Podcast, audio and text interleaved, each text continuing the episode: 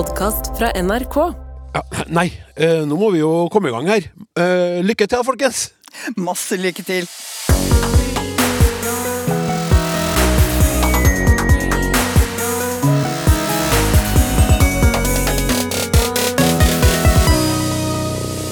Masse lykke til, driver folk og sier. Hva blir neste? Masse god jul? Hvordan kan vi unngå at man ikke kan si ikke så mange ganger man ikke vil i en setning?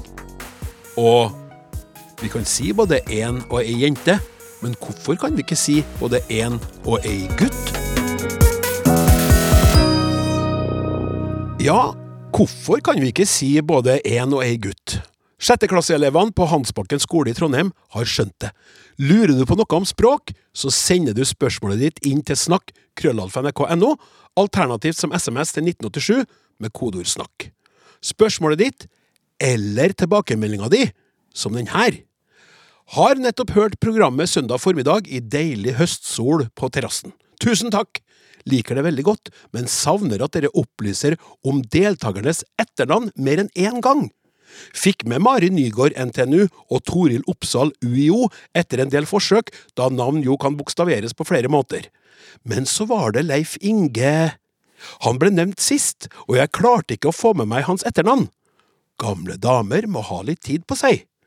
Tenkte så at når deltakerne takkes av helt på slutten av programmet, da får jeg det. Men bare fornavn der også!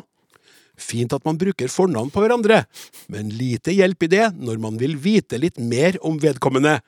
Marit Svenke Drøbak. Godt poeng, Marit. Godt poeng. Takk skal du ha. Jeg tar det, som politikerne sier, til etterretning, men i motsetning til dem, så skal jeg gjøre noe med det tvert. Først, Leif Inge heter Å til etternavn.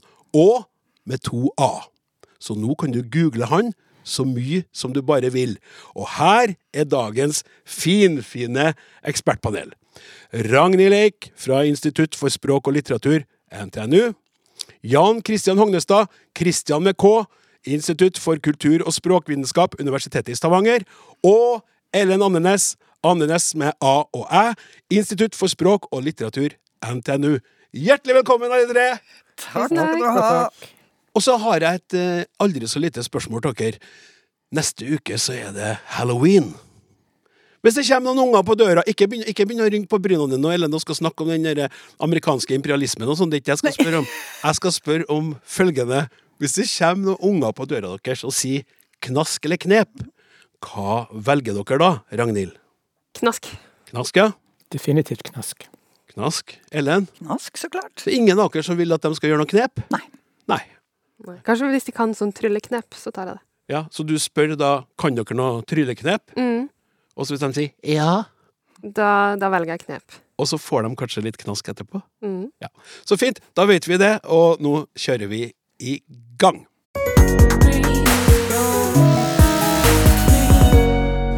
Jeg tenker vi starter like godt med spørsmålet fra elevene på sjette trinn på Hansbakken skole i Trondheim. Eh, Spørsmålet er nok ført i penna av eh, læreren, som heter Anders Fossen Trøan. Hei! Vi kan si både én og ei jente, men hvorfor kan vi ikke si både én og ei gutt? Lurer sjetteklasseelevene, Ragnhild. Mm. Ja, veldig fint spørsmål. Ja, artig. Em, og det spørsmålet fra sjetteklassingene, det handler jo om da genus på substantiv. Eller det vi også kaller grammatisk kjønn på substantiv. Så substantiv i norsk er delt inn i ulike grupper, for om de tar én eller ei eller ett. Så tradisjonelt så vil vi si én sko, ei tann, ett hus.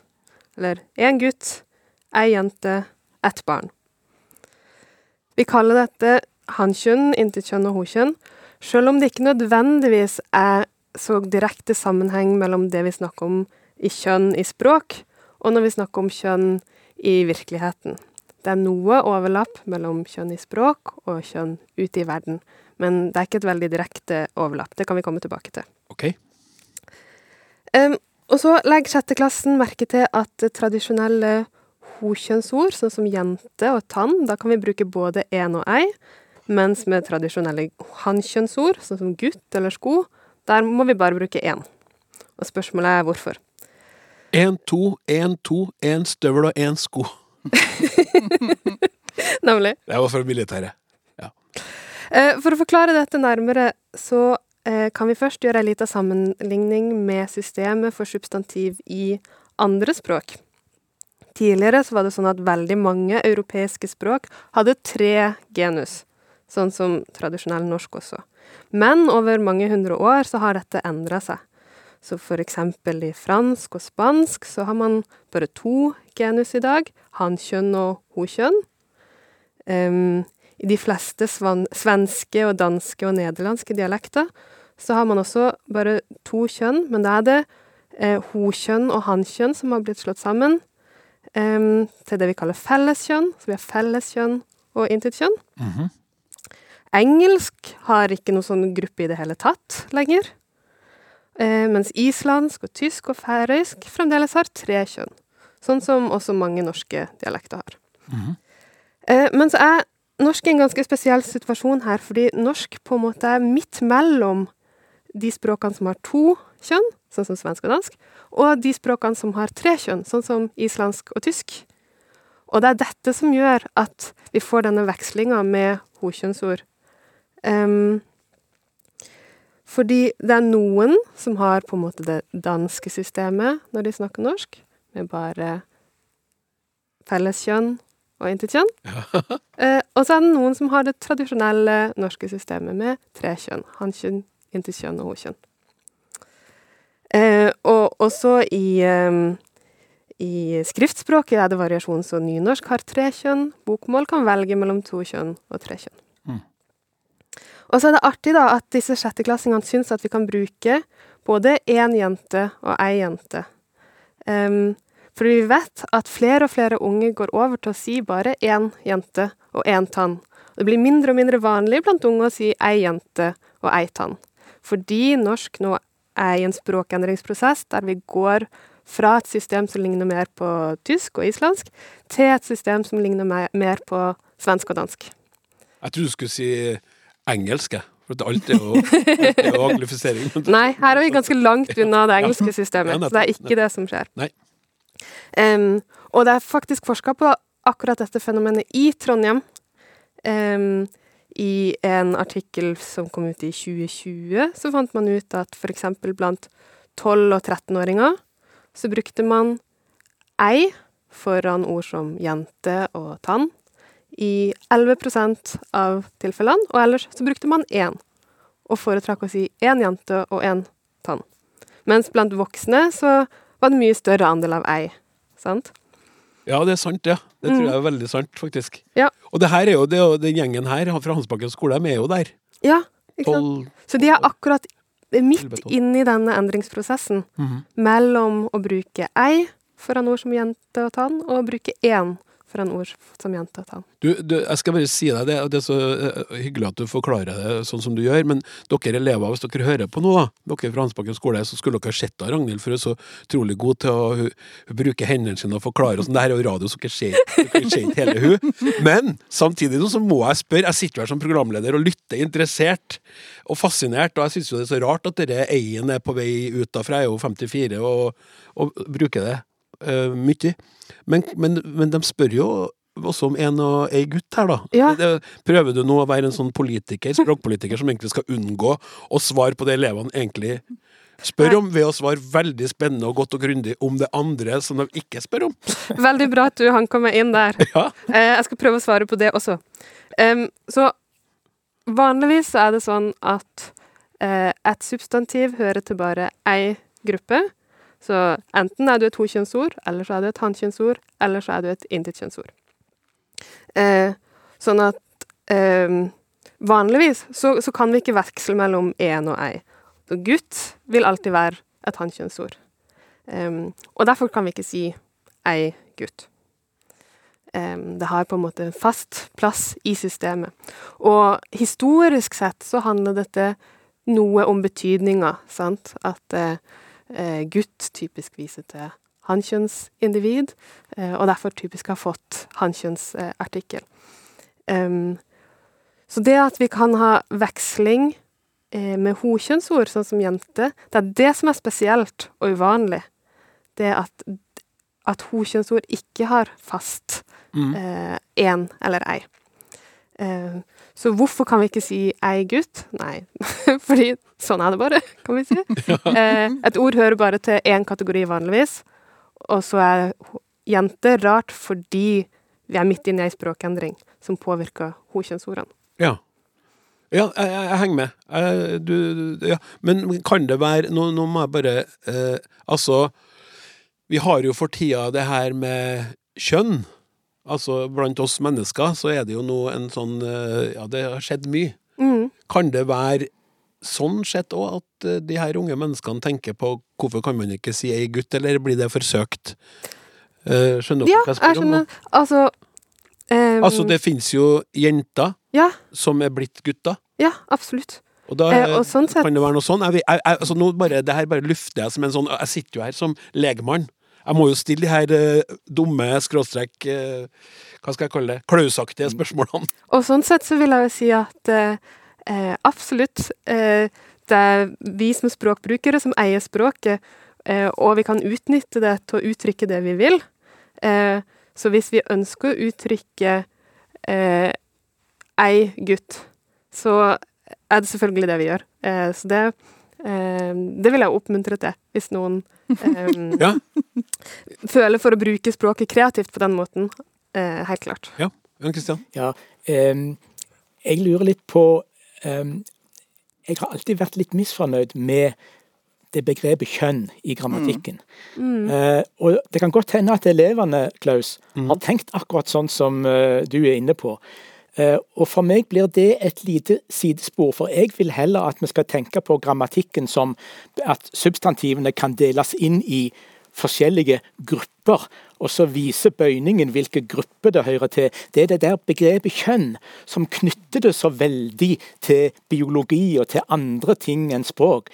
Og, og, og for meg som grammatiker så, så blir det i grunnen litt dumt. Og faktisk, eh, Ragnhild, det er jo språk som har langt flere kategorier enn tre òg. Mm, ja. Jeg lurer på om swahili, for eksempel, er Jeg har av og til pleid å eh, prøve å provosere studentene mine ved å si at swahili har 13 kjønn. Mm. Men altså, de, det språket har enormt mange sånne grupper av eh, substantiv. Så la oss frigjøre oss litt fra begrepet kjønn, tenker jeg. Ja. Spennende innspill. Veldig bra. Ja, Eh, og jeg er egentlig helt enig. ja. Um, og det var det jeg var innom litt i starten, at eh, det er ikke nødvendigvis overlapp mellom det vi kaller grammatisk kjønn i språket, eh, og det som kalles kjønn ute i verden. Så vi kunne kanskje like godt snakka om uh, ei ord, én ord og ett ord. Nettopp. Eller for den del stjerneord og sirkelord og firkantord. Eller sånn. Det handler bare om ulike klasser av substantiv. Mm. Og så kaller vi det så tilfeldigvis kjønn fordi det har noe overlapp med kjønn ute i verden. Men det er litt um, å Ja, å kludre til bildet. ja. Eh, jeg skjønner. Og nå tror jeg Anders Fossen Trøan og elevene hans har fått uh, uh, godt med info og kan diskutere det her videre. Supert. Tusen takk. Fra det ene til det andre, som jeg ynder å si. Eh, pronom, altså det her er en sånn korthugd eh, eh, e-post til snakk krøllalfa Pronomen, kolon. Dette er forståelig, kolon. Hva vil en eh, Petter ha? Altså n er lik han. Men hvor kjem eh, a-en ifra i Hva ville Berit ha? Takkar for svar. Beste helsing Reidun Åmbø i Volda. Ja, Jan Kristian, det her var rett på sak. Det var rett på sak, og jammen har ikke Reidun ført oss tilbake til kjønn, kjønnsproblematikk. Ja. Og Her var det jammen hannkjønn og hunnkjønn nok en gang. Så vi, vi blir aldri helt kvitt det der. Men, eh, men jeg forstår veldig godt at eh, Reidun lurer på denne a-en i Aberit. Eh, Det er så mye enklere med n i n Petter, for da skjønner vi at det er en forkortelse av eh, det pronomenet. Jeg kan gjøre det sjøl i min vestnorske dialekt, men jeg må ha med en a og snakke om Ann Petter. Eh, og så kan jeg gjøre det i hunnkjønn. Vanligvis vil jo jeg si hu Berit, men h-en kan jeg sløyfe hvis jeg vil, og bare si u Berit. Hva vil u Berit ha? Men det ville Reidun òg synes var lett å forstå, for U-en kommer jo ifra hun, og N-en kommer ifra han. Så hva da med denne merkverdige A-en? Og det interessante her er at dette er gammelt. Det er haugammelt.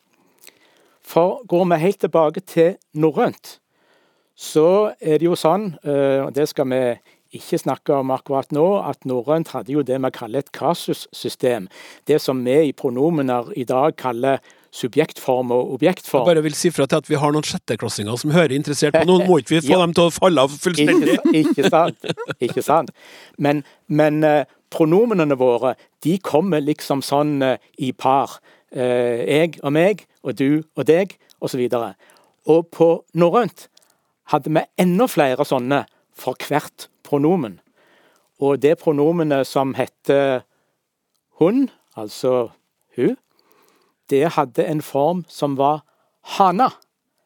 Og der er det en A. Og jeg tror det er den siste av de to A-ene i Hana som har blitt til Aberit i eh, østnorske dialekter. Så egentlig er prinsippet akkurat det samme. Det er et forkorta pronomen. Det er bare det at forkortinga ligger så mye, mye lenger tilbake i tid. Der syns jeg en eh, Jan Christian ga et godt svar. Takk skal du ha. Da går vi videre. Gode språksnakk. Her en hektisk morgen tok jeg meg selv i å si til barna Nå må vi se å komme oss av gårde! Ved nærmere ettertanke slår det meg at dette er en språklig forundringspakke. Nå må vi av gårde er jo ukomplisert, men se! Å komme, skråstrek komme oss. Vi skal jo ikke komme, vi skal gå! Forsøk på analyse. Er se egentlig se til, altså sørge for å oppnå ønsket tilstand? Men hva med komme oss?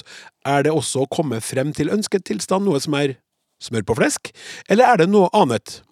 Kom på dansk har vel en bredere bruk enn på norsk, jf. på suppeposer med flere språk. Kom vann i en gryte. Altså kom hell vann i en gryte. Har dette noe med saken å gjøre? Undres Kristoffer, som skriver denne e-posten fra Oslobyen. Ellen.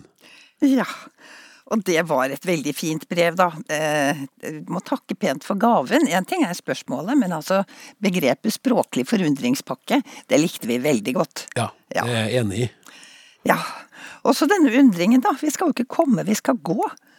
Så hvorfor sier vi da at vi skal komme? Veldig rart. Men vi får pakke opp og se hva som er inni. Og da tar vi først verbet komme, som betyr å nærme seg eller bevege seg mot noe.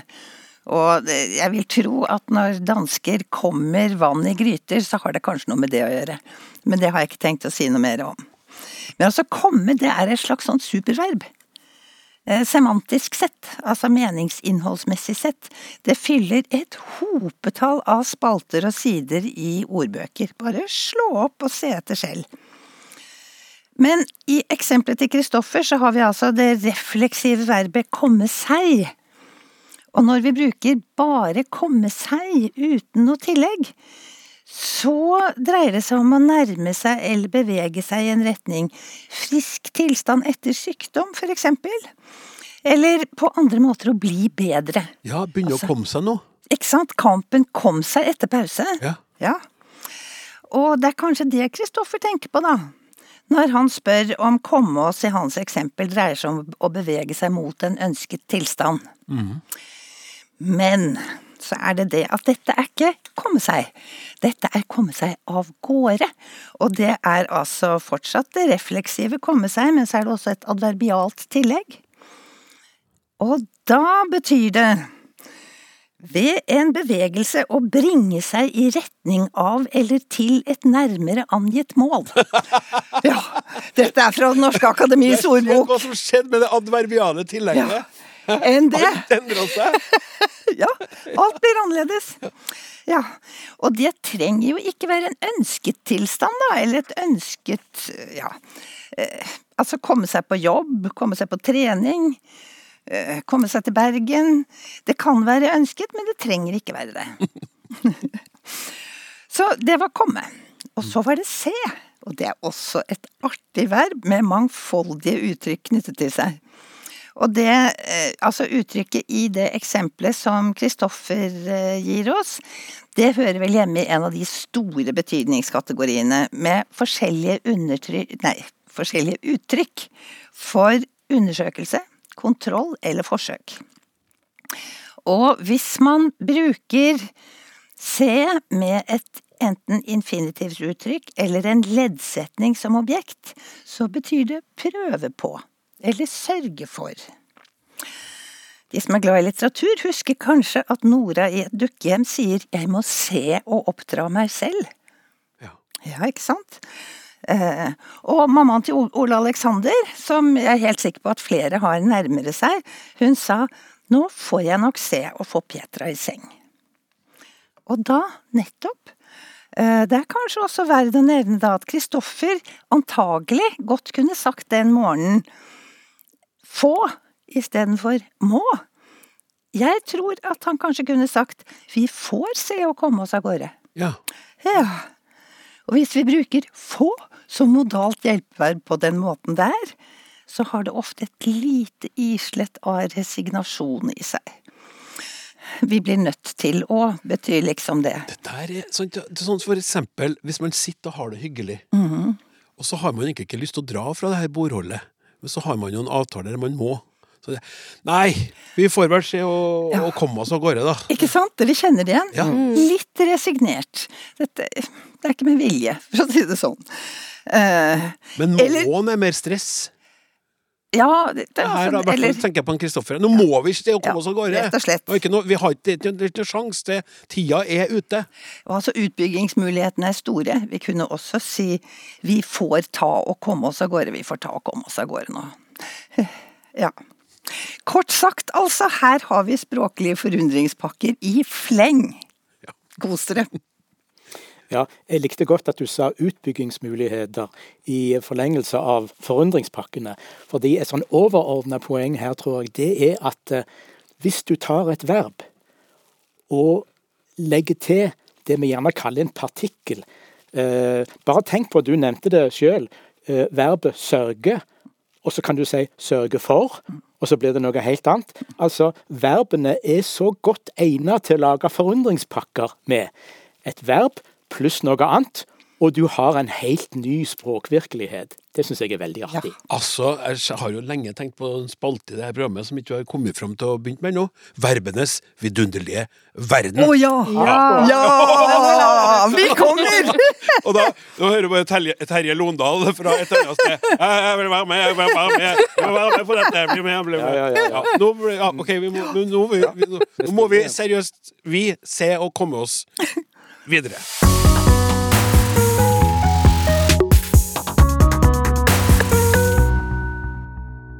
Hva mensensmerter har med rondene sine å gjøre? Vel, det får du snart vite om du fortsetter å lytte til Språksnakk, som her og nå skal ta en snartur innom Italia via Numedalen. Eh, vi snakka om eh, Norge eh, sist, og lurte jo også på om noen sier Norge der ute i Norge. Og har fått eh, en e-post fra Numedalen, da. Som Numedøl, fra Rollag, heter landet Nørje. Jf. Sverige. Altså, en, jeg tror ikke helt Ø eller den, den Nørje, en, en sånn O som tenderer mot Ø. Så vidt jeg forstår, jeg leste meg litt opp på det i en annen lang og veldig fin e-post vi også fikk inn om det her. Men det er i hvert fall Per Thorsrud, Vrågåvegen i Rollag, som sier mm, Norge. Norge. Var det en liten ø der nå? Norge. Og så Italia. Hei dere! Jeg hørte diskusjonen om tallerkener og skjære spekefjøler sist uke, altså plater til å skjære noe på, helst mat. Fra den gang jeg gikk på italienskkurs har jeg bevart ordboka, som nå kom til nytte igjen. Tagliere betyr ganske riktig trebrett eller brikke, som har utviklet seg til vår tallerken tallrik. Taglio betyr snitt, klipp eller hogg, og ikke nok med det, tagliacarte betyr brevkniv til å skjære opp konvolutter brev med, men helst ikke e-post. Taglialenia. Taglialenia betyr tømmerhogger, ikke så rart. Utgangspunktet for alt dette er verbet tagliare, som betyr å skjære, spikke, klippe, snitte, hogge osv. En spekefjøl, spikkefjøl, er noe vi skjærer opp noe på, gjerne spekemat, også kjent som spikkemat. Om det kommer av spekematen, speket mat, eller om maten spikkes opp, skal være usagt. Tagliere ligner uhyggelig på telje, telje, telge med videre, herav teljekniv, tollekniv. Både Falk og Torp og Jan de Caprona skriver utførlig om dette i sine bøker om etymologi. Før var det noe som het vepsetalje. Det hadde blant annet dronning Maud. Hun var usedvanlig smal om livet, som en veps. Dette kommer fra fransk tei, det ble riktig, tei, som ganske riktig betyr tilskjæring, og også midje. Smal midje, altså. Tailler betyr å skjære eller spisse. Ikke underlig siden den som driver med dette heter tailleur, skredder. Dette viser at nesten alt henger sammen med nesten alt. Med vennlig hilsen Vidar Lund, Oslo.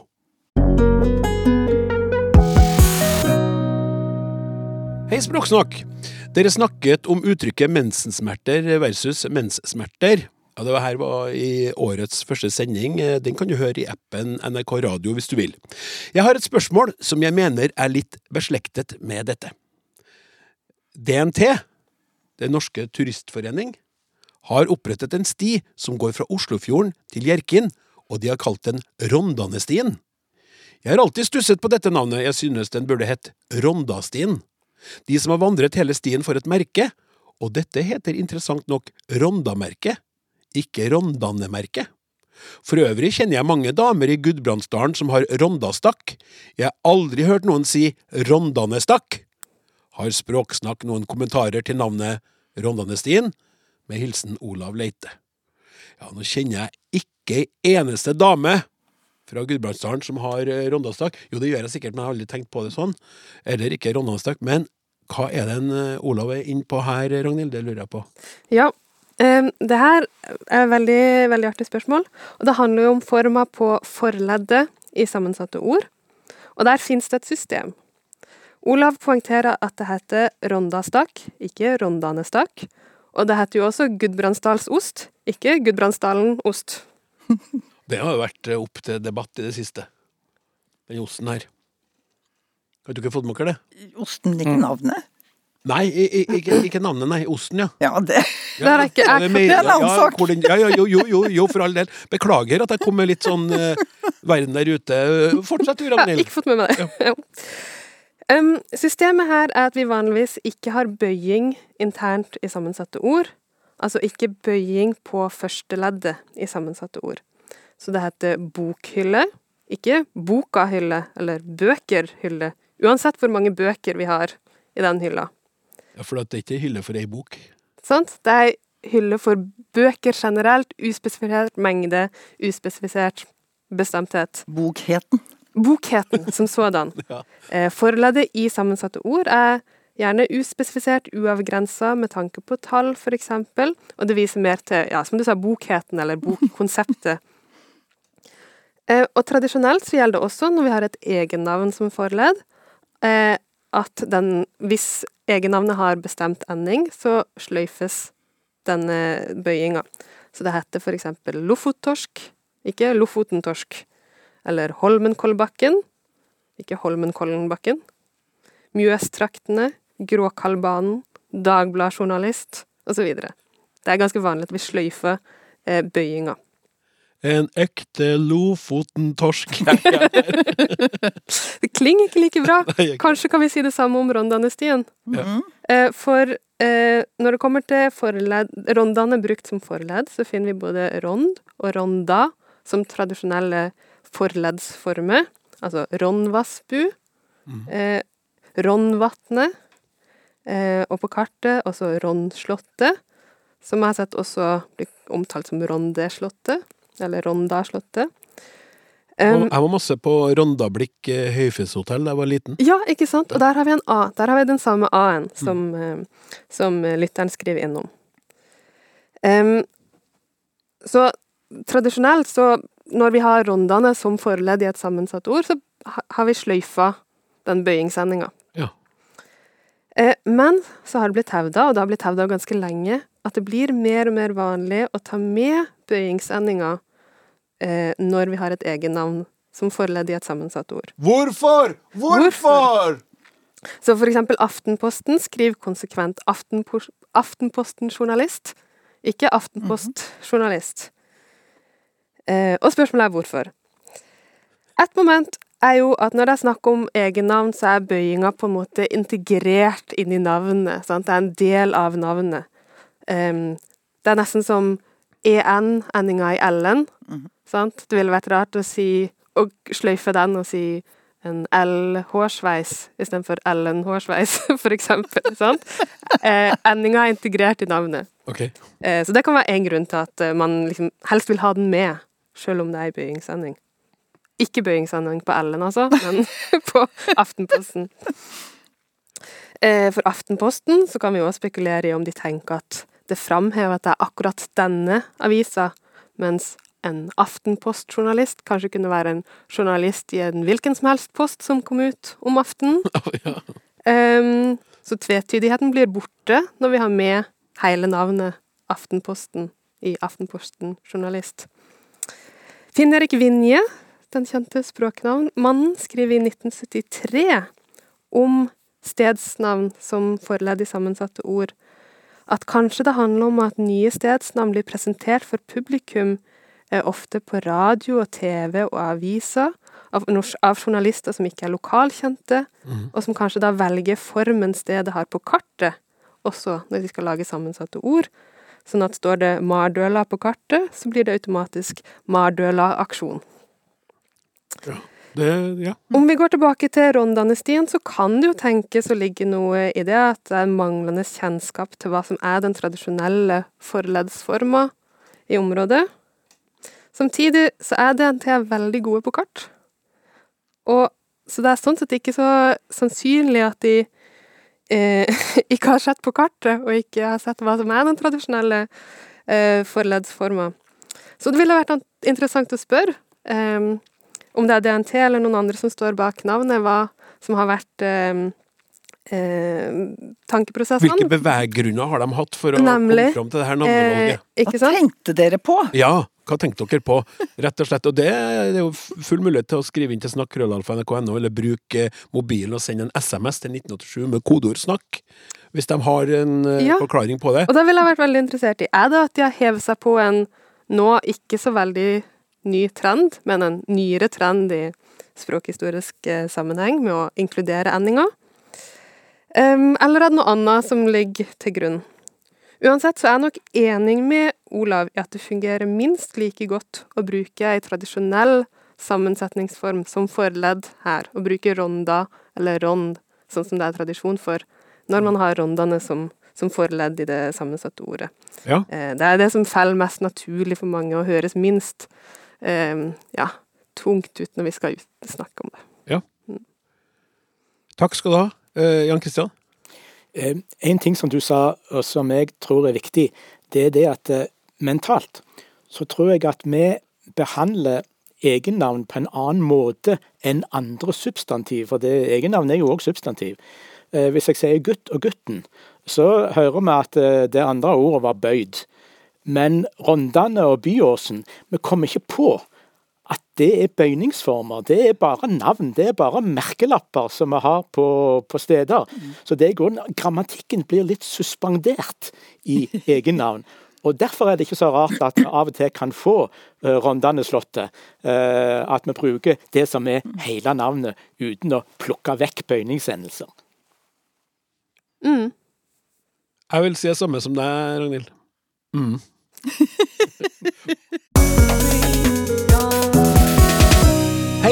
Har undret meg ofte over hvorfor folk sier masse lykke til, når det åpenbart holder å si lykke til.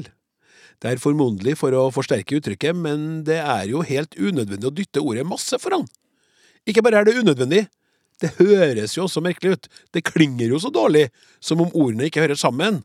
Det blir nesten som å si masse god bedring istedenfor god bedring, eller masse god jul! Ikke sant? Nemlig! Masse hilsen Tore. Og før, Jan Kristian, før du starter, så vil jeg bare si at jeg er spent på svaret, for det her har jeg tenkt på og kjent på sjøl! Ja, øh, og det er ikke rart at du har, fordi jeg tror det er noe veldig allmennmenneskelig her. Vi liker å forsterke det vi sier. Eh, språklig sett er vi ikke minimalister, de, eh, de fleste av oss. Eh, og spesielt når hensiktene våre er gode, når vi vil ønske lykke til eller god bedring, da vil vi gjerne løfte det enda lite grann. En ting eh, forresten som er veldig rart, det er at en del av disse forsterkerne som vi bruker, eh, de passer jo egentlig absolutt ikke. Lite eksempel, la oss ta adjektivet bra. Veldig bra er jo nærmest bare en klisjé. Det går an å si forferdelig bra eller grusomt bra. Eh, og da eh, betyr jo forsterkerne egentlig det motsatte av det de betyr her, men skal bety her. Men det lar ikke vi oss sjenere av. Vi bruker de absolutt allikevel. Og så har jeg hørt, må jeg, må jeg konsultere forsamlingen her, for det har jeg hørt i, på, på, i den østnorske delen av, av landet, eh, folk som sier at det var lite bra. Ja. Ja. Ja, ja, ja. Eh, men kan dere si lite bra? Brukes det fremdeles, eller har det gått ut på dato? Det tror jeg har gått ut Ja, det- for lenge siden. Ja. Litt sånn gått ut på det. Men Ja. jeg har så lyst til at du skal si Jeg elsker når du sier det. Kan du si det en gang til, sånn som du sier det? Det er lite bra når jeg sier det! Ja, det er lite bra! Det er lite bra. Jeg tror det er på vei inn igjen, jeg nå. Jeg tror det, eh, rett og slett. Ja. Jeg vil bare skyte inn at vi kunne også like godt si lite mye bra, det da. Ja. Eller mye lite bra. Ja. Og. Ja. Og det som er mitt poeng her i forhold til det som Tore spør om, det er at sånne forsterkere de går av og til ut på dato. Det er motefenomener, eh, en del eh, av de, tror jeg. I ei gammel bok om slang og sjargong så fant jeg uttrykket 'kriminelt bra'. Ja. Og Det tror jeg òg for lengst har eh, gått ut på dato. Og i dette perspektivet tror jeg vi kan, si masse, kan se på masse som, eh, som Tore eh, kommer med. Eh, For det er dagens mote, tror jeg. Den er forholdsvis ny, å bruke masse som en sånn generell eh, forsterker. Og så kan en lure på OK, men hvorfor reagerer da Tore og andre på bruk av masse? Og Det tror jeg har å gjøre med det at noen sånne forsterkere de gror sammen med resten til en slags sånn fast uttrykk, det vi på fint kaller et idiom. Se på eh, God jul eller God bedring. Der er jo det klassiske 'riktig god jul' og 'riktig god bedring'. Det er liksom grodd sammen til et fast uttrykk, til et idiom. Eh, og hvis da noen syns at det er litt gammeldags å si 'riktig god bedring' og vil gjøre noe nytt, eh, så kan faktisk masse i dag komme inn. Eh, og det kan bli masse god bedring eventuelt, sånn som Tore tenker seg at det eventuelt kunne ha blitt. Eh, Og det er masse god jul. eller masse god jul. Ja, ikke sant? Eh, hvis en først vil vekk ifra det innarbeidet, så tar en et av de, en av de forsterkerne som er på moten for tida. Og i muntlig språk så tror jeg det gjelder masse. Lykke til er litt interessant, kanskje. Og her må jeg òg be om eh, bidrag fra forsamlingen. Fordi jeg satt og smakte på hvordan ville jeg ha forsterka lykke til. Og så fant jeg ikke noen mulighet. Jeg fant egentlig ingen sånn klassisk forsterking av lykke til. Er det noen av dere som kan forsterke lykke til? Så jeg synes det, akkurat det der du sier nå, er det interessante med. Fordi jeg var med i et TV-program for mange år siden. Ja. Eh, som, ikke som deltaker, men som en del av et, et TV-prosjekt der en person som også var med, sa, begynte, sa veldig mye masse lykke til. Mm. Og da tenkte jeg på det at det, det, hørte, det var så merkelig for meg. For at for meg så holder det med lykke til.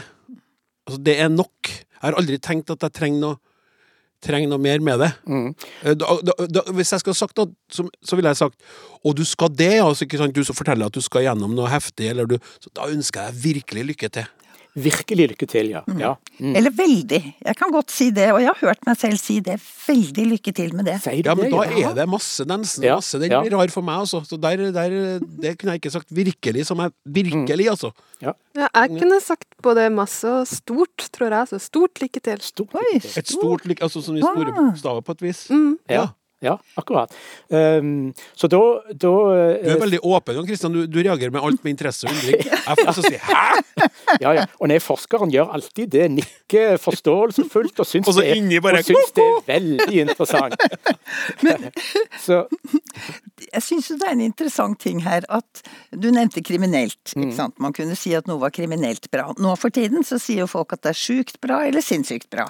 Ja. Men vi kan veldig Det tror jeg ikke det er mulig å si sinnssykt lykke til eller sykt god bedring. Eller er det det? Ja, vet?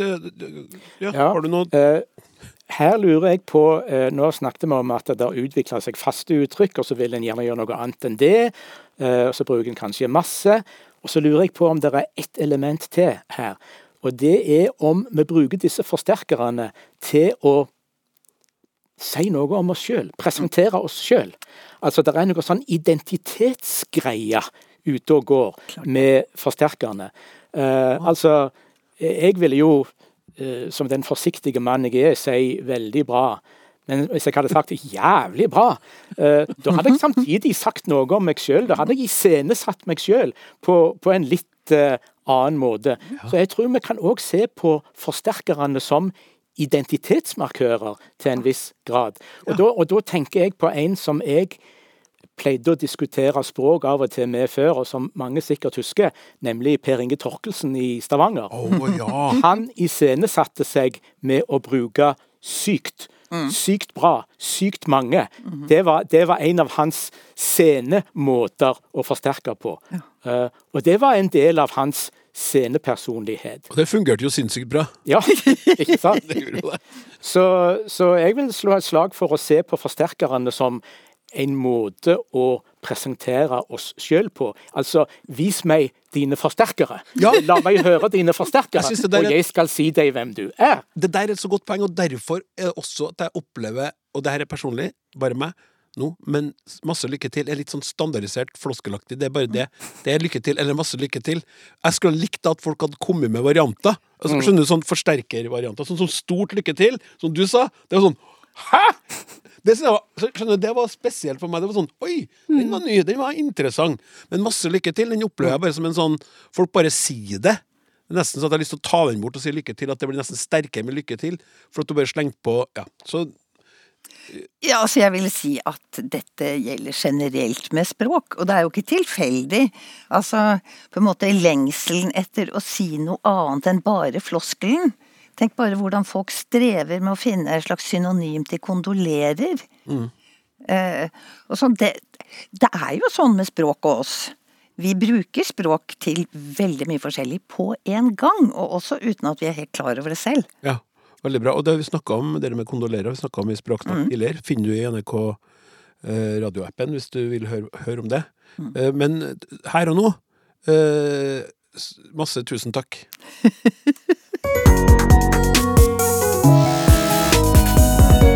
Hei! Hører på radio og TV at det snakkes om både prosent og prosentpoeng.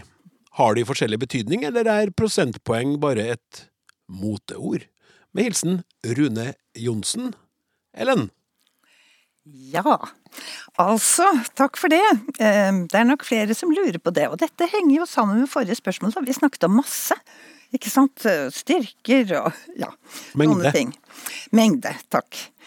Altså, tar det enkleste først. Prosentpoeng er på ingen måte noe moteord. Det er veldig stor forskjell på prosent og prosentpoeng. Ja, Så nå skal vi ha litt matematikk, og da må alle huske på at de sier at matematikk er også et språk. Ja, ja. og hvis vi har litt matematikk, så kan vi se for oss at vi ikke er Abelstårn, men vi er Babelstårn. Å, nydelig. Ja. Altså, jeg har lagd noen veldig enkle eksempler som jeg skal bruke litt tid på først. For dette mener jeg virkelig alle bør kunne. Og så skal jeg si noe litt mer generelt om noen av de ordene vi bruker for å måle fysiske størrelser. Og da blir det gresk og latin og norsk. Ja. Vi starter med latin. Prosent. Italiensk per cento, Det betyr per hundre. Eh, sånn at 1 det er 1 per 100, 12% er 12 per 100. Det er ikke vanskelig. Men det er 12 av 100 et eller annet, en eller annen form for enheter. Ikke sant? Enten det er garnnøster eller svensker eller noe annet. Um, og det kommer vi tilbake til. Et poeng, derimot, det betyr egentlig et punkt. Det er det samme ord som latinsk punktum. Vi har fått det via fransk point. Et punkt, det må befinne seg et eller annet sted. Det må ikke en prosent. For eksempel på en linje. Altså et punkt er ikke en andel av en linje, det er et punkt på en linje. Og da blir det veldig forskjellig. For prosent bruker vi til, altså til å måle andeler. Eksempel hvor stor andel, hvor mange hundredeler av inntekten norske mennesker bruker på mat, eller hvor høy renten på boliglån er. Sant? Prosentpoeng, det kalles også, det er kanskje et bedre ord, prosentenheter. Og det er noe ganske annet. Eh, ikke andeler, altså. Eksempel, da. I panelet i dag så er vi tre språkforskere. Og i absolutte tall så er vi to kvinner og én mann.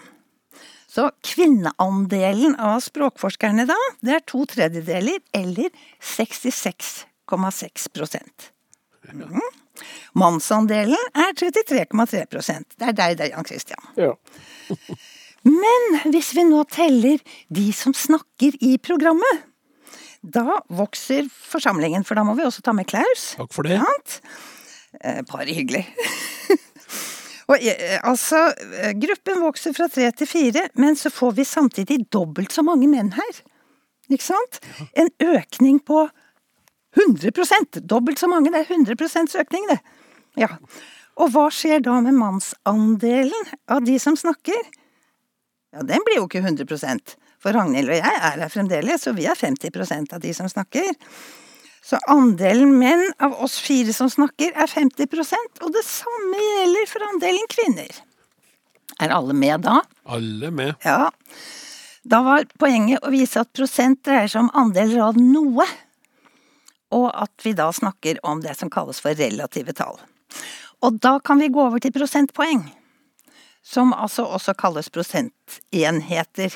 Norges Bank bruker det ordet i sine rentebeslutninger. Og så gæli. Ja. Og enheter kan vi telle. Enten det er forskere eller programledere eller produsenter eller garnnøster. Og når vi skal angi den absolutten forskjellen mellom to prosentverdier, da bruker vi prosentpoeng eller prosentenheter, da. Hvis jeg hadde hatt en tavle nå, og hvis jeg hadde kunnet vise den fram på radio, så ville jeg tegnet en linje fra 0 til 100. Jeg ber alle lukke øynene og så tenke den linjen inni seg.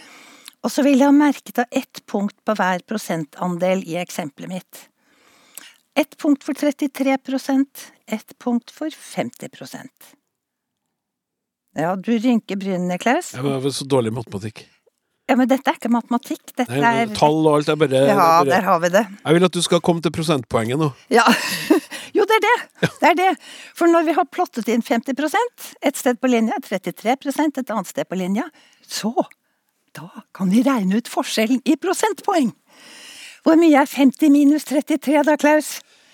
17. Ja, ganske riktig. Og da er det altså 17 prosentpoeng. Når mannsandelen av snakkerne stiger fra 33 til 50% så stiger den med 17 prosentpoeng. Så selv om økningen i mannsandel fra én mann til to var 100% så var den bare på 17 prosentenheter, eller prosentpoeng. Og da mener jeg alle må forstå at det er stor forskjell på prosent og prosentpoeng. Sant, ja? Ja. I rest my case, Ja. som engelskspråklige advokater sier når de har sagt sitt i retten, og det betyr noe sånt som nå har jeg sagt alt det som er verdt å høre om dette emnet, så vi behøver ikke diskutere det noe mer. Men uh, ferdig snakka, sier vi på norsk da. Kanskje ikke i retten.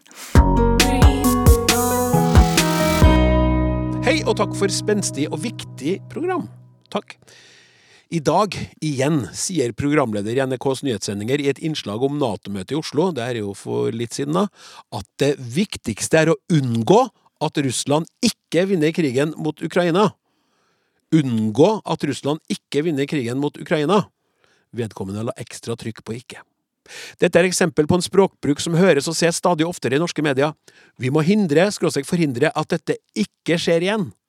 Det er viktig å unngå at feilen ikke gjentas, og lignende konstruksjoner der man setter inn ikke etter et verb som inneholder en nektelse, endrer betydningen til det motsatte av det som antagelig er intensjonen, antar jeg. Her trengs det en runde i språksnakk, så vi unngår flere pro-Putin-utsagn fra NRK-journalister og andre influensere. NRK-journalister og andre influensere, faktisk. Lettere sjokkert hilsen Maja Arnestad, Oslo. Eh, Maja syns jeg har et kjempegodt poeng. Jeg har hørt det. Jeg er jo en fast lytter av Nyhetsmorgen. De gjør en formidabel jobb. Mm. Men det er ikke alltid like lett å unngå å holde tunga rett i munnen. Ragnhild? ja. Altså, jeg er helt enig med Maja. Det er jo en veldig uheldig forsnakkelse, som jeg også har observert sjøl på samme program. Um, og vi må jo tro at NRKs, NRKs, programleder mente det motsatte av det som ble um, effekten her. Uh, men samtidig så er jeg ikke så veldig overraska over at det skjer, for det viser seg at menneskehjernen egentlig er veldig dårlig til å holde styr på flere nektelser på en gang. Um, og det finnes det flere eksempler på, og det er også vist i flere studier at dette er noe vi sliter med. Å, jeg sier det? Um, i tillegg så er det også sånn at uh, nektelse fungerer forskjellig i forskjellige uh, språksystem. I noen språksystem så er det sånn at to nektelser kansellerer hverandre og nuller hverandre ut, sånn som i norsk. Eh, mens i andre språksystem så kan de forsterke hverandre. så igjen er det ikke så rart at vi får det motsatte, motsatte effekten av det som var meint. Mm. Norsk er et sånt system der to nektelser, eller negative uttrykk, kansellerer hverandre. Så du kan si 'han er ikke enig', som betyr det samme som 'han er uenig'. Men hvis vi kombinerer de, 'han er ikke uenig', så betyr det 'han er enig'. Sant? Minus minus blir pluss. Um, eller vi kan si 'han er ikke ikke enig'. Og allerede her så begynner det å gjøre litt vondt i hjernen å holde styr på hvem, hva man egentlig mente. Det er ikke at jeg ikke ikke er enig, da er du ganske sånn Da, da, da, da kjenner jeg at en person hadde trigga meg, hvis han hadde sagt det. Altså. Ja, ikke sant. Og det er det noe av det samme som foregår i det her uttrykket som lytterne har observert. Det er, det er to negativer som kommer inn og kansellerer hverandre, der de kanskje var meint å forsterke hverandre, eller man bare ikke klarte helt å holde styr på hva som hadde blitt nekta når, osv. Um, og her har vi to nektinger. Det kan fort bli enda mer komplisert og enda vanskeligere for hjernen. Eh, uttrykk som 'han var ikke', 'ikke uvelkommen'. Eller 'folk som ikke ser dårlig, bør unngå å ikke gå til øyelegen'. Skal du da gå til øyelegen, eller skal du bli hjemme? um, Det er gjort faktisk flere studier på dette, her, bl.a. fra engelsk og tysk, der man har bedt folk om å reagere spontant på sånne setninger med flere nektinger, eller man har plassert nektinga på feil plass, sånn at setninga bare ikke betyr noe. Og det viser seg da at folk er veldig dårlige under press til å tolke sånne setninger og ta stilling til hva de egentlig betyr. Eh, dette, dette er rett og slett vanskelig. Hvis man er skjerpa og har god tid eller lytter veldig nøye til radioen, eh, så, så klarer vi det. Men under press så er det ganske vanskelig for oss. Um, Vet vi hvorfor det er sånn? Nei, det er jo Vi er mennesker. Ja, og det er jo kanskje det med å holde styr på sannhetsverdien i et uttrykk, og så skal du negere sannhetsverdien, og så skal du negere negeringa av sannhetsverdien, og så Det er rett og slett vanskelig for oss. Altså, kanskje det handler også om at vi bør i sånne situasjoner tilstrebe et så klart og enkelt språk som mulig? Si det med rett rett fram, da? Det er litt sånn som du antyder, ja. eller, er det ikke det? Nei, fordi du har jo også språksystem Er det ikke, ikke det, eller? Det er ikke, det er ikke det at du ikke er noe Eh. La meg starte på begynnelsen. For du har også språksystem som fungerer på motsatt måte. Um, språk med såkalt negativt samsvar, som fransk og spansk, også noen varianter av engelsk er kjent for det her. Der på noen varianter av engelsk så kan du si I don't never have no problems, sant? Eh, med masse negasjon. Der du har alle nektingene som sammen blir tolka som én nektelse. Ikke at hver enkelt nektelse negerer den forrige nektelsen. Nei. Um, så det kan jo Den setninga fra NRK, eh, programlederen, kunne vært analysert som en sånn type nekting der du har flere nektelser som sammen. Ja. Eh, det er ikke sånn norsk fungerer. Sammen laga en kjempenektelse. Sammen laga en kjempenektelse. Det er ikke sånn norsk fungerer, men andre språk fungerer sånn, så det kunne like godt vært sånn. Så det her med negasjon, det er ganske komplekst, og eh, det er ganske mange forskjellige system som er ute og går. Så selv om vi ber folk om å skjerpe seg og prøve å holde styr på dette her, så tror jeg ikke vi kommer til Altså tror jeg vi kommer til å fortsette å se det. Vi kommer ikke til å unngå at journalister ikke ikke gjør sånne tabber. Nei. Det er mottatt. Kort, Jan Kristian. Nå har du sagt en del om hvordan sånne negasjoner blir forstått. Jeg syns òg det er spennende eh, hvordan vi produserer de, og hva som ligger bak der. Og Der tror jeg det er en sånn veldig enkle psykologiske mekanismer. Når vi skal nekte, da trenger vi et ikke. Og det ikke vil vi bare ha fram, altså. Og så overser vi at det egentlig var en negasjon i tillegg av et eller annet slag eh, i det vi sier. Og så tror jeg av og til det kan være to uttrykk vi blander sammen. Altså, vi må forhindre at Russland vinner, og Russland må ikke vinne. Og så setter vi de to sammen. Vi må forhindre at Russland ikke vinner. Jeg tror det er noen sånne relativt eh, enkle psykologiske mekanismer som opererer her òg. Mm, jeg er enig. Og vi kan kalle det enkle eller komplekse psykologiske mekanismer, er- nettopp det er kanskje fordi riktigere å si, ja. det er så vanskelig å holde styr på hva Mm. man har sagt og ikke sagt Ja. når nektelse kommer inn. Mm. Det er jo også en sosial mekanisme her, da. Fordi at dette fungerer fint etter hensikten hvis man kan forutsette at både programlederen eller journalisten og lytterne er enige. Fordi at hvis dette hadde vært mer tvilsomt, og hvis lytteren hadde vært uenig med den journalisten eller programlederen, Ja. så ville utsagnet vært tvetydig.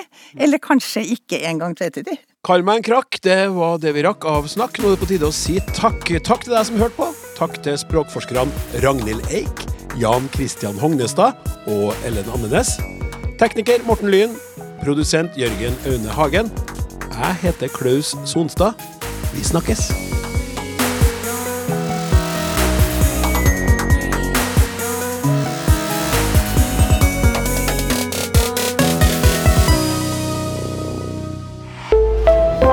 En podkast fra NRK. Hei, det er meg, Are Sende Osen. Han som er så glad i historien om de norske kongene, du vet. Nå kommer fjerde og siste sesong av podkasten Kongerekka. Og det er jo sånn, vi lever i en flyktig tid, og det er så vanskelig å få fullført ting. Men nå har du sjansen. Nå kan du høre deg gjennom alle de norske kongene. Ifra Harald Hårfagre samla Norge til et rike pga. ei dame, og fram til den kongen vi har i dag. Da kan du klappe deg sjøl på brystet, eller på skuldra, eller du kan klappe kompisen din på skuldra, og så kan du si 'Jeg har fullført noe'. Jeg har hørt meg gjennom hele kongerekka. Hør podkasten